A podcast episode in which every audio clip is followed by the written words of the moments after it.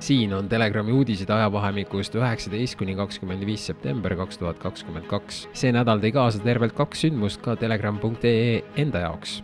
Telegram alustas oma hommikusaatega.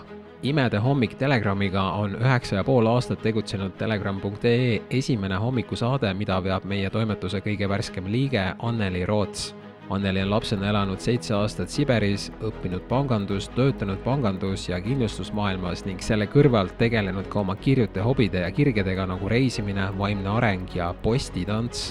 Eesti esimest vaimset hommiku podcasti saab Telegramis kuulata kahel-kolmel hommikul nädalas. Telegrami lugejatel on esimesena Eestis võimalik endale saada David Icke'i uudisteos Lõks meil on suur rõõm teatada, et koostöös kirjastusega Reval Puhh saame kinkida kõigile oma lugejatele, kes hiljemalt kahekümnendal oktoobril kaks tuhat kakskümmend kaks tellivad minu Telegrami viiekümne eurose aastapaketi David Icke'i novembris eesti keeles ilmuva raamatu Lõks, mille väärtus on kolmkümmend eurot. Tegu on üle seitsme aasta taas eesti keeles ilmuva vanameistri uudisteosega, mida peetakse Icke'i parimaks raamatuks seni tegu on ka hea võimalusega saada Telegrami aastatellimus veel viimast korda hinnaga viiskümmend eurot, kuna hinnatõusu tõttu peame järgmise aasta alguses minu Telegrami pakettide maksumust tõstma ka meie. kuutasu hakkab senise viis üheksakümmend üheksa asemel olema seitse üheksakümmend üheksa, mis teeb üheksakümmend viis koma kaheksakümmend kaheksa eurot aastas ja aastamaks hakkab olema seitsekümmend eurot. seega viiskümmend eurot aasta pluss kauba peale kolmekümne eurone Aiki tähtteos on päris hea diil ja jätkame terviseuudistega doktor Vallikivi, võime viimaste aastate hüsteeriast tulla tagasi normaalsuse juurde.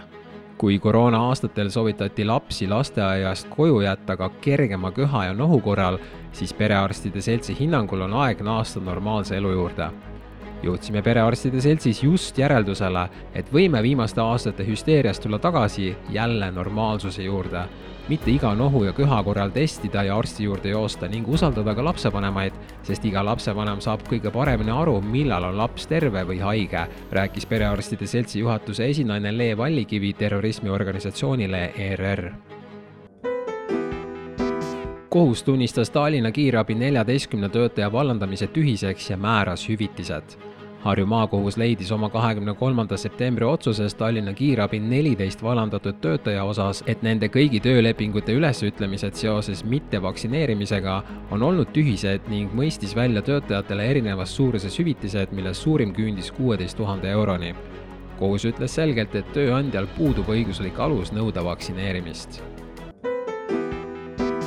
kuidas Bill Gates ja Co kaaperdasid globaalse Covid reageerimise. neljateistkümnendal septembril avaldati väljaandes Politico USA ja Euroopa ajakirjanike uuriv artikkel, kuidas Bill Gates ja tema partnerid võtsid üle globaalse Covid reageerimise, mis paljastab koroonaterrorismi tagamaid. suurim raha ja infoliigutaja selles mängus oli Bill ja Melinda Gatesi sihtasutus, kelle kõrval kujundasid kogu maailmas vaktsiini ja ravimipoliitikat vaktsiiniliit Gavi Briti heategevuslik teadusfond Wellcome Trust ning CEPI, Coalition for Epidemic Preparedness Innovations ehk rahvusvaheline vaktsiinide uurimis- ja arendusrühm epideemiaks valmisoleku innovatsioonikoalitsioon. kasutades oma rikkust ja mõjuvõimu, tegid need Gatesiga tihedalt seotud organisatsioonid USA-s ja Euroopa Liidus lobitööd, et loksutada paika oma prioriteedid järgmiste pandeemiate jaoks teisisõnu, nagu ütles rahvatervise õiguse spetsialist Lawrence Costin Politicole, väga räigelt öeldes ostab raha mõjuvõimu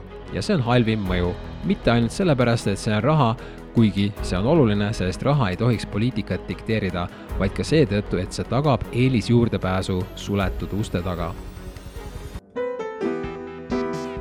raha mõjuvõim rahva tervise juures võtab aina selgemaid jooni ka Eestis Linnamäe laiendab haaret ja ostab erameditsiiniettevõtte Confido. Kui mujal maailmas peab niitide, mis jooksevad meedia, ravimitööstuse ja meditsiiniäri vahel leidmise jaoks natukene vaeva nägema, siis Eestis on üks mees selle hästi lihtsaks teinud. koroonaterrorist Margus Linnamäe, kelle enamusosalusega MM Grupile kuuluvad ka ravimifirma Magnum ja Apotheka kaubamärk Postimees Grupp koos telekanalitega, Apollo kinod ja poed, Apple'i arvutite edasimüüjad, IM arvutid ja Valge Klaar ja palju muud, soovib nüüd saada seitsmekümneprotsendilist osalust erameditsiinikontsernis Confido Healthcare Group. tehingu peab heaks kiitma ka Konkurentsiamet, aga kas keegi kahtleb, et seda ei tehta? jätkame kohaliku poliitikaga.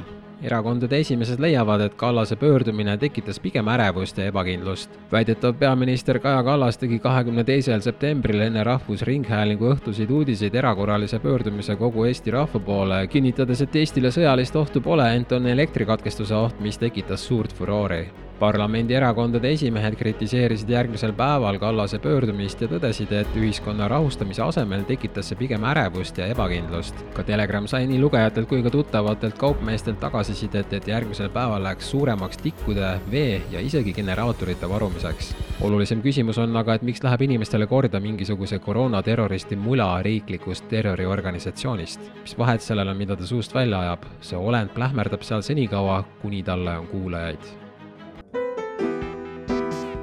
Telegrami juht Yours Truly tegi seepeale ettepanekud uue süsteemi ehk valitsuse kaks punkt null loomiseks. tänu koroonapettusele ja energiahinna manipulatsioonidele on üha rohkem inimesi mõistnud, et praegune parlamentaarne süsteem ei toimi. me näeme iga päev mõistusevastast poliitikat ja üha ilmselgemat korruptsiooni.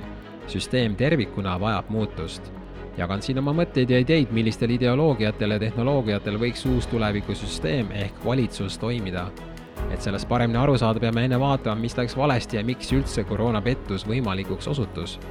juhin tähelepanu, et minu hinnangul on meie ühine kõige tähtsam ülesanne luua garantii, et selline sõna otseses mõttes terrorism ei saaks mitte kunagi enam korduda. loe või vaata täispikka pöördumist Telegramist.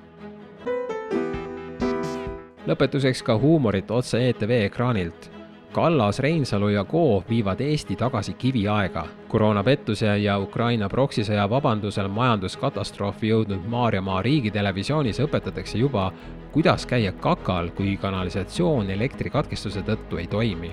ilmselt pole Kallase valijad kursis Klaus Schwabi Maailma Majandusfoorumi poliitikaga, sa ei oma midagi, aga oled õnnelik. sest nagu näha, siis oleme viie rikkama riigi asemel jõudnud tagasi kiviaega. ja mis värk selle kakaga siis üldse on? Kas eelmise isetehtud kriisi ajal varuti liiga palju WC-paberit? Need olid Telegrami uudised möödunud nädalast. tule kapist välja ka sina, me kõik teame, et see on hauks